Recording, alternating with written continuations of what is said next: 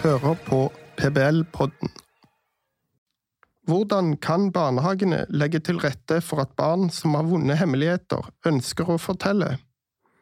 Dette var tema da PBL inviterte til miniseminaret Mulighetens vindu under Arendalsuka 16. august. I denne podkasten kan du lytte til opptak fra dette viktige og interessante møtet. I starten hører du Kari Wold Jensen, utviklingsleder for Barnas verneombud i PBL. Kjære alle sammen. Velkommen til eh, dette arrangementet i regi av eh, Private barnehagers landsforbund. Både dere som har tatt eh, veien inn i kinosalen, og til alle dere som følger oss på nettet. Ja, men Det er en sånn passelig dag ikke sant, å gå inn i kinosalen i dag.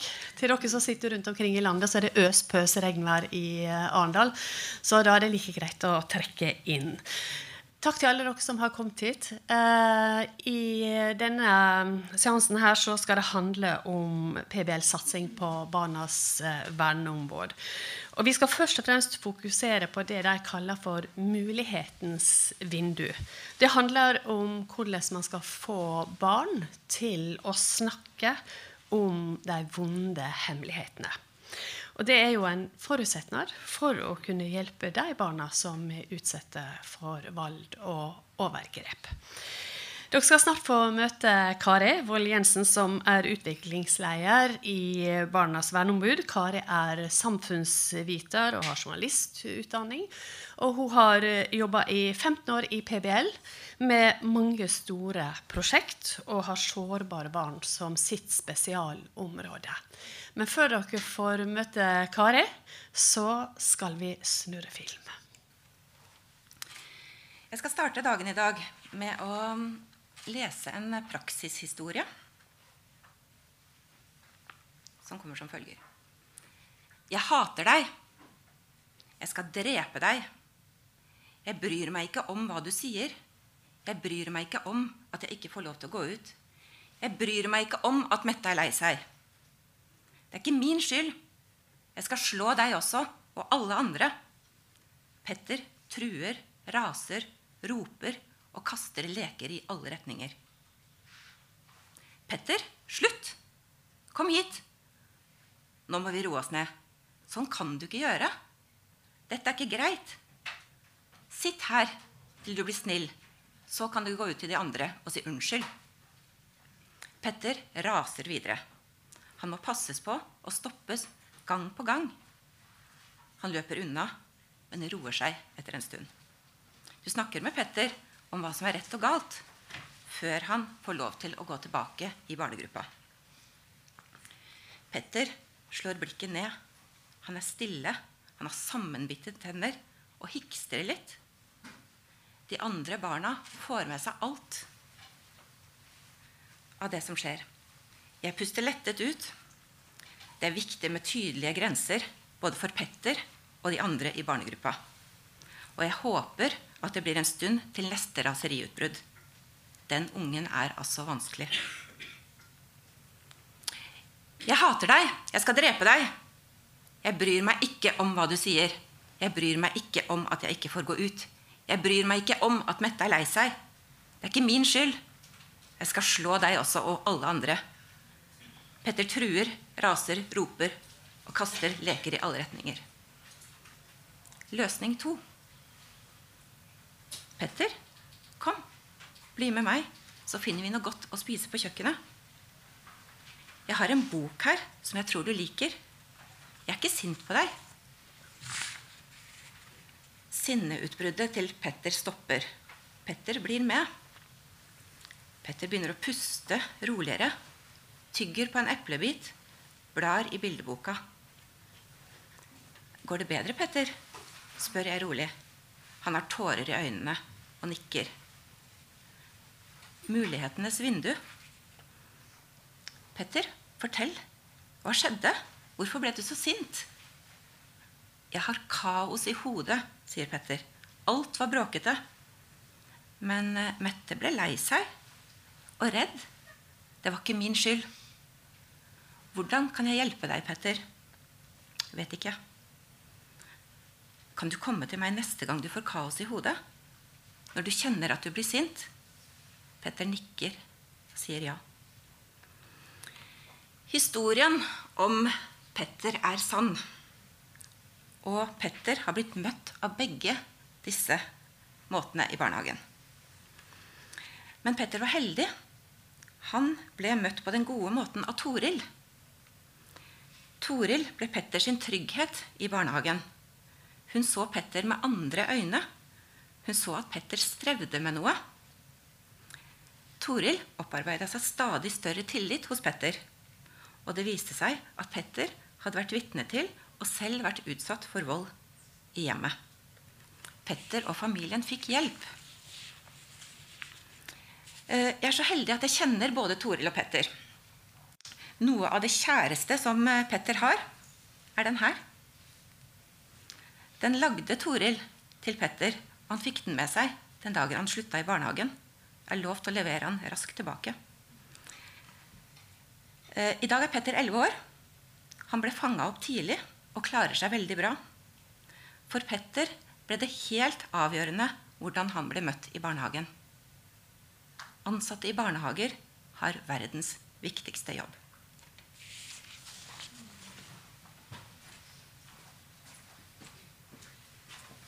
Da skal få møte Oddbjørg Edvardsen, som jobber med å utvikle Barnas verneombud eh, sin digitale kunnskapsplattform for avdekking og forebygging av vold og seksuelle overgrep mot barn som går i barnehagen.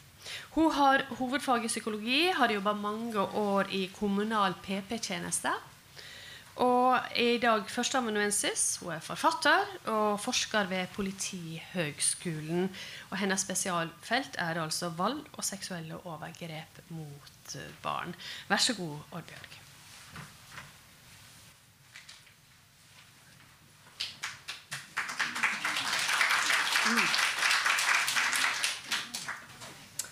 Ja, tusen takk. Eh, Fortellinga om eh, Petter handler om eh, et verdisyn i barnehagen. Og i arbeidet som eh, barnehagen gjør i forhold til alle barn. Og som vi skal se, faktisk ligger til grunn for at vi skal kunne tilrettelegge for at barn skal kunne si fra til oss voksne hvis noe skjer dem som omhandler vold og seksuelle overgrep. Dette er selve forutsetninga for tilrettelegging rundt disse barna. Først så har jeg lyst til å si litt om hva er vold mot barn.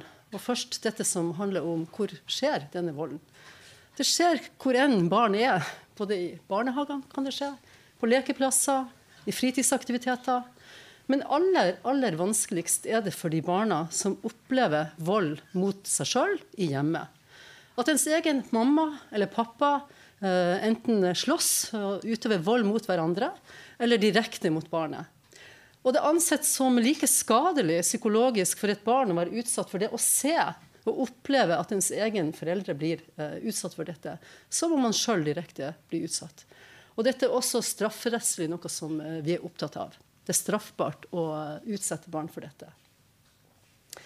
Og vold den kan være fysisk. Det kan være alt fra klaps til å bli dratt i ørene, dratt i håret, til mer alvorlige eh, eksempel brennemerking av barn med sigaretter, pining i forhold til eh, ja, forsøk på drukning, kvelning, harde slag. Eh, alt som på en måte kan true et barns liv og helse.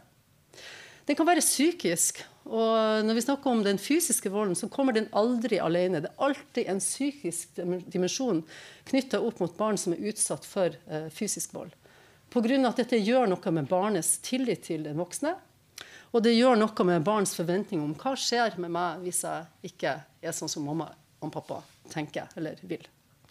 Og Samtidig så kan den psykiske volden komme helt alene. Og det er også strafferettslig uh, ulovlig. Det er ikke lov å psykisk krenke barn. Og Det kan handle om at uh, voksne utsetter barn for uh, ja, skjell, utskjelling f.eks. At barn føler at det mamma og pappa gjør mot meg, gjør at jeg føler ikke at de er glad i meg.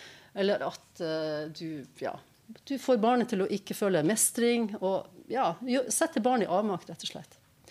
Og når dette er et eh, system altså Alle kan jo være uheldige og, og tråkke litt skjevt i forhold til et barn. Men når dette er måten du er på i forhold til barn, så er det veldig veldig skadelig. Og kanskje like skadelig som fysisk vold. Så har vi den materielle volden, som handler om eh, foreldre eller voksenpersoner som med hensikt eh, kanskje ikke bidrar til at barn får nok ernæring eller eh, utstyr, sånn at de klarer å følge med i forhold til det som på en måte ja, skal være verden til et barn. Og dette handler jo ikke om barn som lever i, i, i, familier med fattigdom, men det handler om når voksne med intensjon ønsker å skade barn på denne måten. Og så har vi kanskje det som vi aller mest sånn, uh, har problemer med å skulle forstå, nemlig at uh, voksne utsetter barn for seksuell mishandling. Alt fra det å seksuelt uh, krenke barn ved at de må se på f.eks. Uh, seksuelle handlinger som voksne gjør, til at de voldtar dem fysisk med ja, inntrengning av penis eller av gjenstander. Og det er faktisk sånn at én av fem jenter i, eh, mens, altså, en av fem barn som er jenter, utsettes for seksuelle overgrep uh, i våre samfunn. Og én av 14 gutter uh, forteller at de er utsatt for dette i løpet av sin barndom. Så dette er, uh, dette er enorme tall som vi er nødt til å gjøre noe med. Ett av tre barn uh, utsettes for vold fra sine omsorgspersoner. Og ca. 5-8 uh, vet vi i nasjonale undersøkelser og internasjonale undersøkelser er utsatt for grov vold som er så skadelig at det kan gå utover deres liv og deres helse. Hvis vi går i uh, tall uh, fra f.eks. Folkehelsa og en som heter Rognum, som sikkert mange av dere kjenner til, vår uh, fremste rettsmedisiner, som nå er pensjonist, men likevel veldig i vigør. I 2016 så formidla han veldig sånn var han i, i Aftenposten bl.a. og, og, sa det her at hver måned anslagsvis dør det ett barn i Norge som følge av mishandling, omsorgssvikt eller drap. Og rundt 40 barn årlig obduseres på bakgrunn av mistenkelig mistenkelige dødsfall. Og de aller fleste av disse barna er under fire år. Og dette er svært viktig kunnskap for oss å, å ha, av at da, da sier det seg sjøl hvor viktig er det ikke den jobben som uh, barnehagen kan gjøre i forhold til det å vurdere og se og lære seg å se etter tegn på de barna som, som vi er bekymra for. Er dette et barn som har en utviklingsforstyrrelse? Er det et barn som plutselig har opplevd et traume? Er det et barn som har, som har opplevd eh, vold og overgrep? Det skal barnehagene eh, måtte kunne få kunnskap om for å nettopp avdekke eh, det som handler om barn som utsettes. Og kunnskap trenger vi. Hvordan kan vi så se at et barn er utsatt for eh, vold eller overgrep, seksuelle overgrep? Jo, vi kan se det på skader på kropp, på blåmerker f.eks. På et barns kropp der blåmerker overhodet ikke skulle være. Dette kan vi kanskje sjekke ut i en stellesituasjon hvis vi ser et barn som har eh, blåmerker der det ikke skal være. Og andre tegn, som rifte. Eh, ja. Og skulle det være seksuelle overgrep, så er det jo overgrepsmottak eller eh, barnehus som faktisk med medisinsk kompetanse kan gå inn og sjekke om inni barna så er det noen spor der. da. Men så vet vi jo også at uh, vold mot barn, selv om den er fysisk, den, uh, den, den gir ofte ikke noe blå flekker. Sånn at, uh, at, det å lære seg å nettopp lese barns uttrykk, sånn som barnehagen i utgangspunktet er veldig god på, det å kjenne barn og kunne skjønne og forstå atferden deres gjennom lek, gjennom samspill og gjennom tegninger og fortellinger, et utrolig viktig kompetanse som sitter i barnehagene. F.eks. i leken. En, eh, et barn som leker seksualisert, eh, seksualisert lek. Og kunne skille mellom hva er normal uh, utvikling i forhold til lek, seksualisert lek, og hva skal vi være bekymra for i forhold til når, når, uttrykkene der begynner å kanskje bli uh, aggressive, voldelige i forhold til andre barn, i forhold til voksne. Uh, det å se samspillet som uttrykk for hva er det som har skjedd et barn. Og jo mindre barnet er, jo viktigere er det jo nettopp at vi klarer å lese et barns samspill. Liker barn å bli tatt på, f.eks.? Er det et barn som fort trekker seg uh, hvis du ønsker kontakt? Uh, er det et barn som er ja, vanskelig å stilne i forhold til trøst og sånne ting? Eller er det motsatt et barn som klamrer seg rundt en voksne?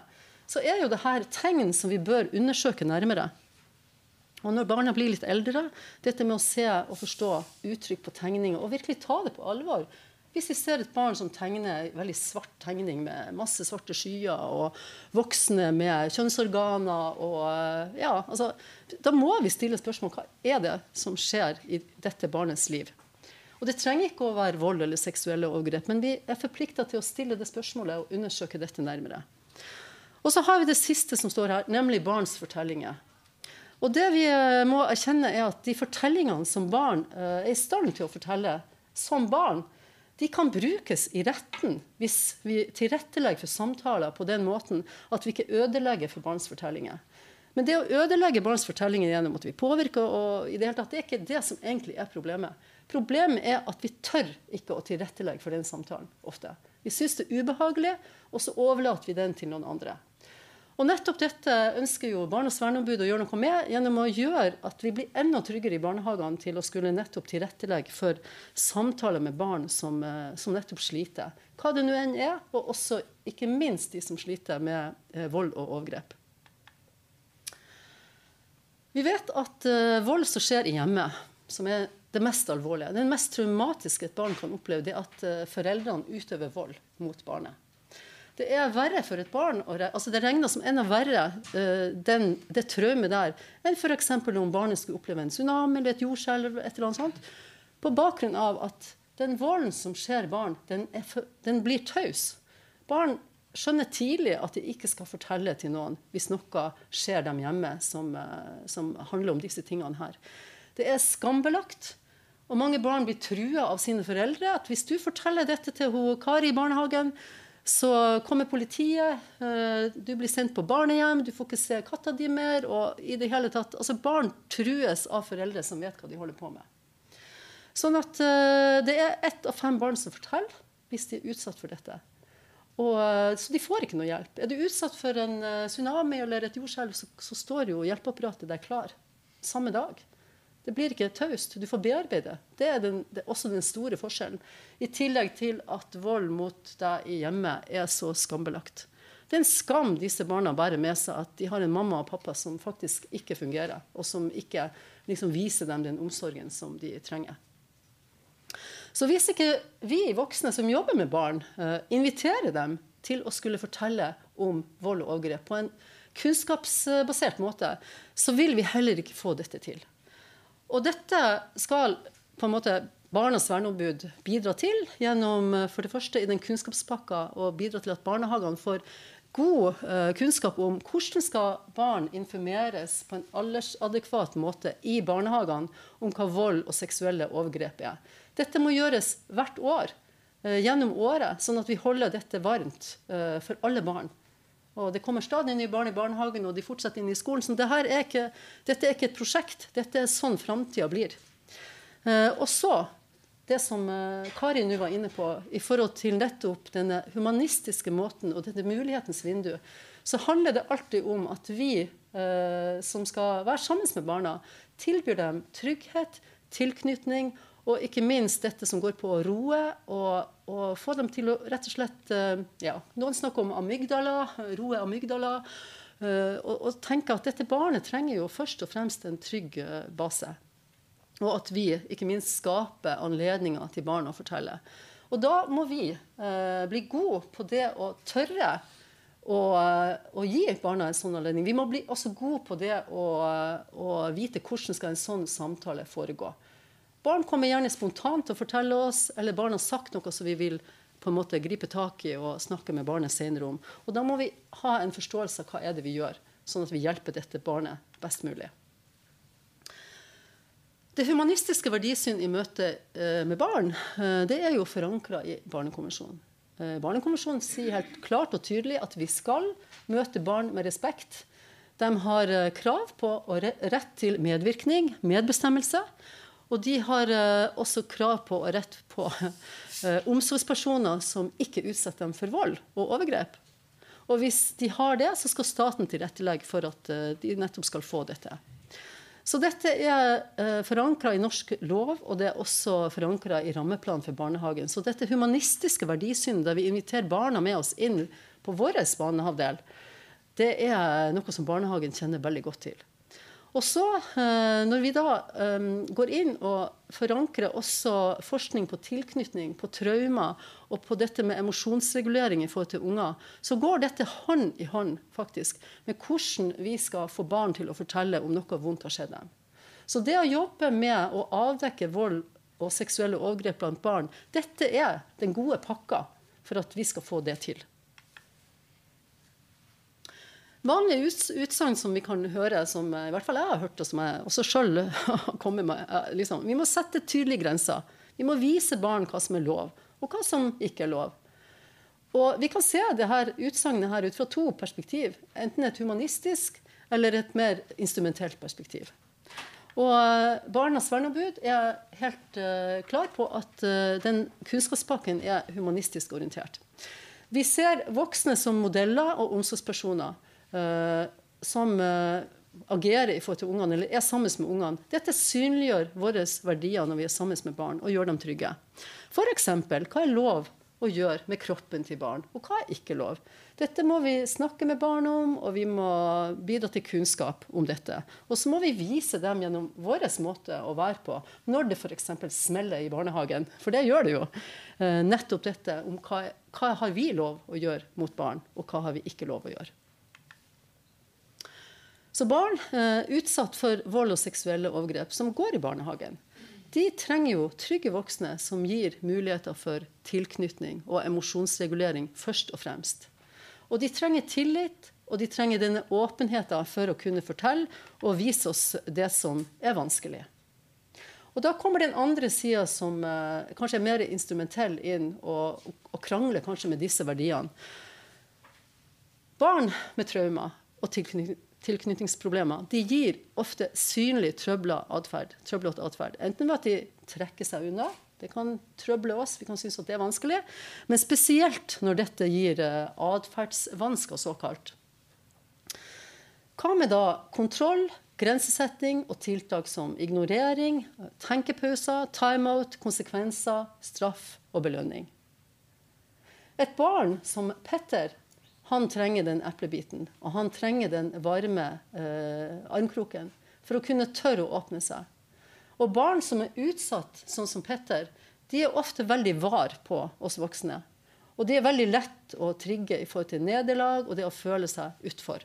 Utfor flokken. Og hvis vi da bruker sånne her type tiltak uten at vi er klar over at det er det vi gjør, og så tilbyr vi ikke den uh, samtalen uh, med barnet, så, så, vil Petter sannsynligvis tenke om oss voksne at vi er ikke trygge nok til å kunne tørre å fortelle. Pluss at hvis det er dette som tilbys, så er det gjerne sånn at den tilliten som vi kanskje har bygd opp i forhold til et barn, blir revet ned. Og nå er det jo sånn at, uh, at veldig mange uh, barnehager og skoler nettopp bruker en sånn her type å atferdsregulere unger på. Og det tror jeg kanskje også er en misforstått uh, måte å skulle forfølge bl.a. atferdsterapeutiske tiltak, som kan være bra for mange barn. Men for Petter så rekker ikke det. Det rekker bare ikke. Vi må tilby noe mer. Hvis vi bruker dette, så vet vi at barn de tvinges i kne. Vi får veldig lydige barn ut av dette. Det er svært virkningsfullt. Men er det etisk forsvarlig?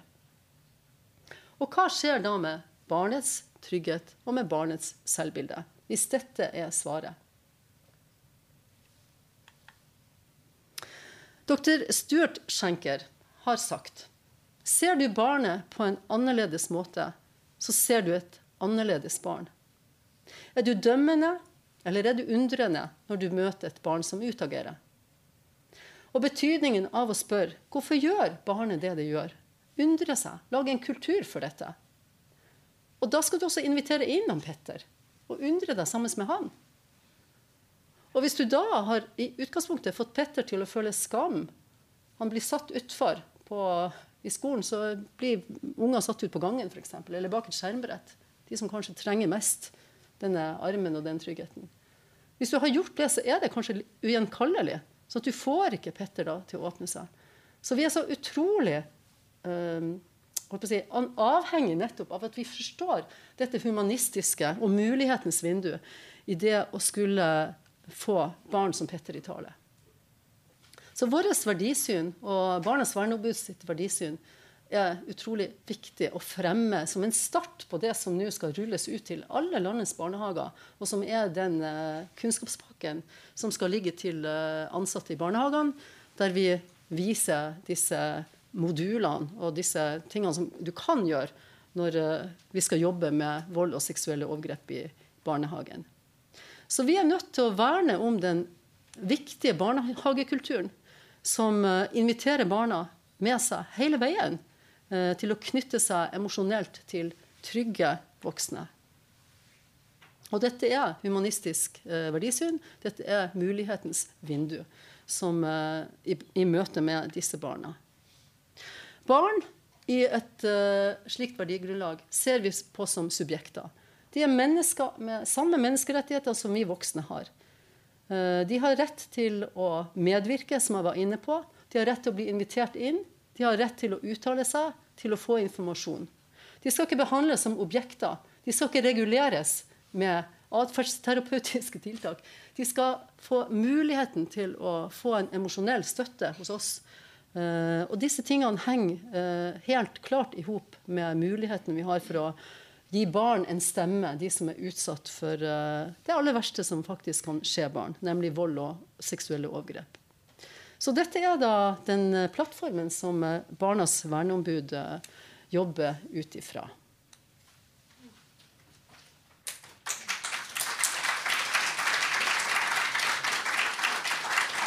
Takk til deg, Oddbjørg. Du kan bli stående der. Og så skal vi også ta med oss Kari, som dere allerede har møtt. Og så skal vi også ha med oss administrerende direktør i PBL, Jørn Tommy Skjeldrup.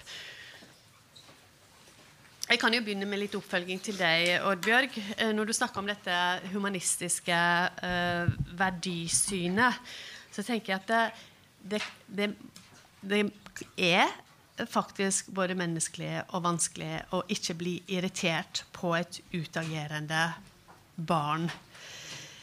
Hva er det ved et humanistisk verdisyn som skal gjøre det lettere for den ansatte i en barnehage til å uh, reagere riktig? Ja. Nei, Det er jo et veldig godt spørsmål, og det vil jo være så individuelt. Uh, men jeg tenker at hvis du ser, hvis du, hvis du anerkjenner det verdigrunnlaget, så vil det automatisk gi deg helt, et helt annet blikk på barn. Og hvis du ikke har et sånt verdigrunnlag i møte med barn, så er det veldig lett å ty til denne pekefingeren og til å grensesette uten at du inviterer inn barnet i utgangspunktet.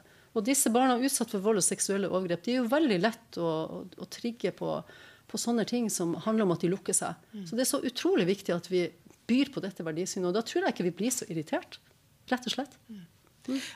Og, så, og, så, tenker jeg også at uh, når man jobber i barnehage, så er man jo også selvsagt litt redd for å ta feil, da. For det er vel ikke sånn at alle utagerende barn blir utsatt uh, for noe vondt? Mm. Også et utrolig viktig poeng. Vi snakker i dag om vold og seksuelle overgrep. Uh, og barn som, som har denne uh, uroen og atferden, de kan jo ha helt an, en helt annen problematikk. Så vi må lære oss også å tenke flere hypoteser samtidig og sjekke ut, sjekke ut uh, disse mulige uh, årsakene til at barn oppfører og opptrer sånn som, uh, sånn som de gjør. Har vi f.eks. hatt informasjon om vold og seksuelle overgrep i barnehagen, må vi forvente at de tegner. ikke sant? De kanskje tegner en pappa med tiss og alt det der.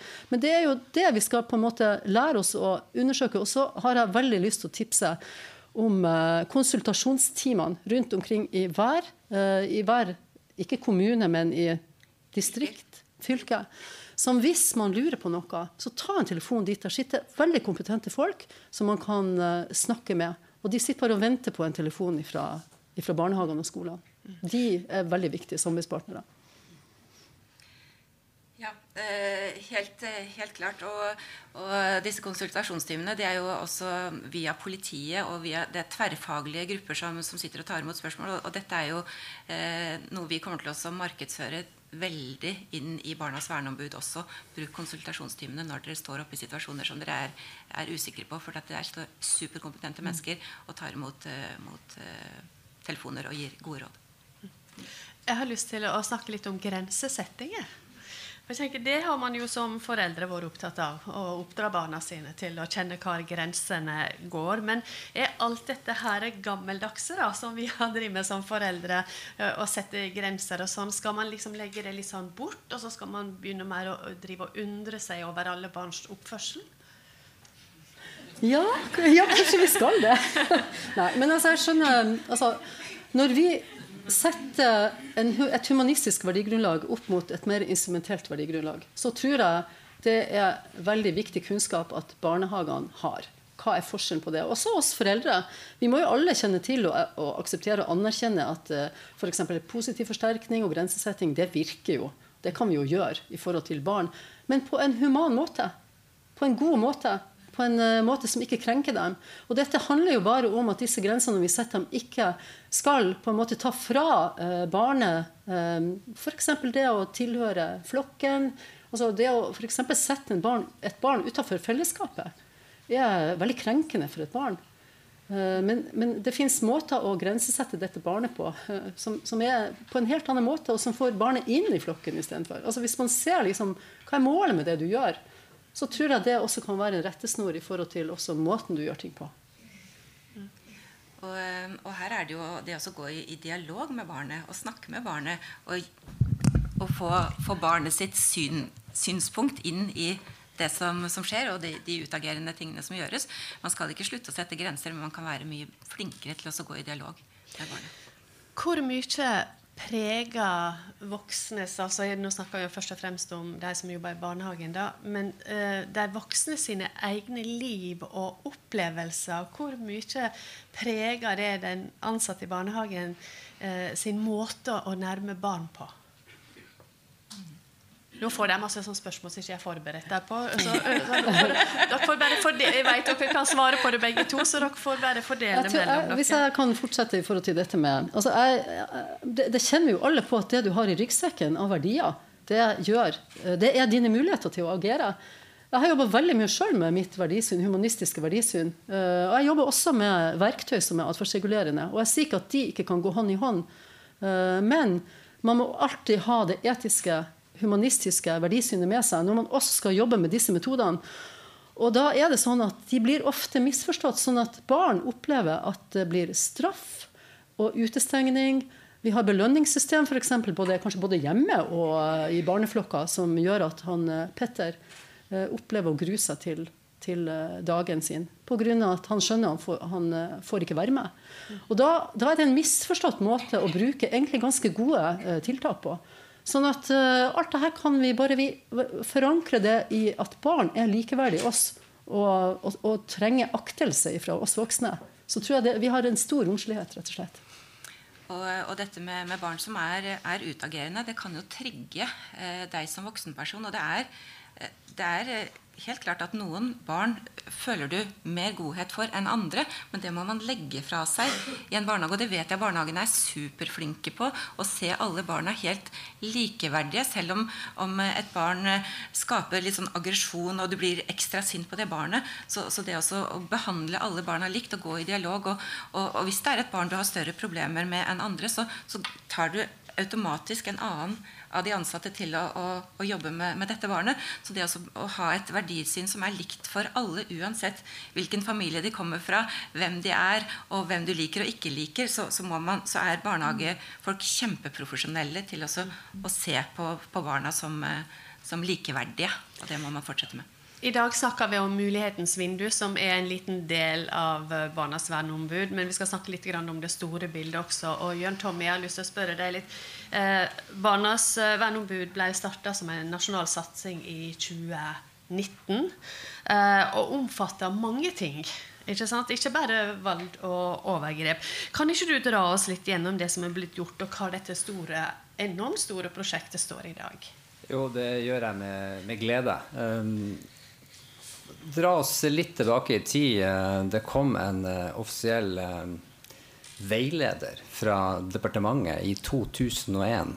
Um, der ble jeg ansatt i PBL, var det fem ansatte. Og det begynte å hagle inn med hjelp og veiledning til det som vi definerte som krisesaker. Eh, vi var mer og mer irritert på det vi oppdaga av de historiene som kom gjennom barnehagene, og deres rop om hjelp. Så etter hvert har jo det blitt et veldig stort kriseteam i PVL. Jeg var jo sjøl og jobba i flere uker i, uh, i Tromsø, bak kulissene, eh, i forhold til Norges største overgrepssak. og det var en irritasjon og et krav fra styret i 2019 med en svært omfattende strategiplan hvor barnas verneombud ble løfta opp. Det finnes masse kompetanse i Norge. Vi prøvde oss med en turné. Eh, vi, dro, vi inviterte Stine Sofie Stiftelse eh, og hadde møte med Statens barnehus, lederne der. Problemet er det er masse kompetanse med de faglig dyktige folkene som her. De har ikke tid å reise rundt til barnehagene. Så da bestemte vi oss eh, med, med daværende styre, de som eier PBL, om at vi skulle satse. Det sto øverst på strategiplanen. Um, vi fikk et fantastisk samarbeid med Stine Sofies stiftelse. Um, men så kom jo dette som alle nå vet hva er for noe, det er en pandemi. Så fra fysiske kurs som skulle ta uh, ansatte ut av barnehagen, når regjeringa sa at alle må gå på jobb uh, uansett, så, så, ble det til en hybrid. Og så ble det en, en digital variant. Og så bestemte vi oss. Ok, hva er potensialet vi som private barnehagers organisasjon? Potensialet er altså vi har 5500 barnehager. Så kan du doble det, men så kan du gange det ganske høyt med antall ansatte. Så har du 280 000 barn. Hva kan du gjøre? Så gjennom langsiktig arbeid så klarte vi å få fem ganger to millioner kroner. Og så tenkte vi hvorfor skal vi ikke klare å gjøre dette gratis for alle digitalt? Samle all den kunnskapen som er. Det kan gjerne Kari fortelle litt mer detaljert om hva som ligger bak det som kommer. Samme lette å få dette tilgjengelig for alle. Det er så mye kompetanse totalt i Norge, så vår jobb er egentlig bare å få satt det sammen. Mm. Og få det ut. Så nå går dere over til et digitalt uh, prosjekt. Og så, som du nevnte, så har dere samarbeid med Stine Sofie Stiftelse helt til nå. Hvorfor ikke nå? Nei, altså det, det er jo det, Stine Sofie Stiftelse har jo laga et fantastisk eh, verktøy, de også. Så her er det litt alle monner drar. Eh, vi tenker sånn at det tar utrolig mange år. Vi brukte vel to år på å få igjennom en femmillioner. Så hvorfor skal vi ikke gjøre dette heldigitalt, som det verktøyet det blir, med den fagkompetansen som er top notch i Norge på det? Og så er det andre tilbud som Sien Sofie Stiftelse og alt andre som ligger der. Ta det i bruk ut ifra hva som passer barnehagen best. Dette blir jo gratis for alle barnehagene. så det er jobben vår. Få det ut. Du og Ada Sofie er fremdeles bestevenner, ikke sant? Ja. du, men si litt, Kanskje Kari kan si litt om hvem er det når, når, er det på en måte en litt sånn nystarta eh, et nytt prosjekt som bare fortsetter i videreføring av det dere har gjort tidligere. Men dere har knytta til dere ganske imponerende fagfolk. Mm. Kan du si litt om det? Ja. Um, Utgangspunktet var jo Stine Sofie barnehagepakke og det som vi bygde opp sammen med dem. Og på bakgrunn av det vi har lært med alle de barnehagene som har vært gjennom den piloten, og vi skulle gå digitalt, så måtte vi knytte til oss noen som kunne jobbe med oss på den digitale flaten. Uh, og vi, har, vi, er heldige og har et stort kompetansemiljø i Bodø. Vi knytta til oss uh, politiet, voldsavsnittet i Bodø. Vi har uh, Statens barnehus. Vi har Oddbjørg fra Politihøgskolen og vi har krisesenteret. Og vi har, eh, så vi, vi, jobber nå i en, eh, i en, arbeidsgruppe med topp fagfolk som har stor og bred kompetanse på vold i nære relasjoner. Til og med statsadvokaten er inne. Til og med mm. statsadvokaten er inne i bildet. Og det er enda flere som er inne i bildet. I arbeidsgruppa så er det de som jeg har nevnt, men vi har, vi har dratt til oss folk fra hele landet til å jobbe ut ut uh, dette. Som skal lanseres under Barnas verneombud-dagene i november. Jeg må bare spørre, Oddbjørg, eh, Når du ser på hele den totale pakken da, som etter hvert blir rulla ut uh, mm. nå, hva slags kompetanse er det barnehageansatte får?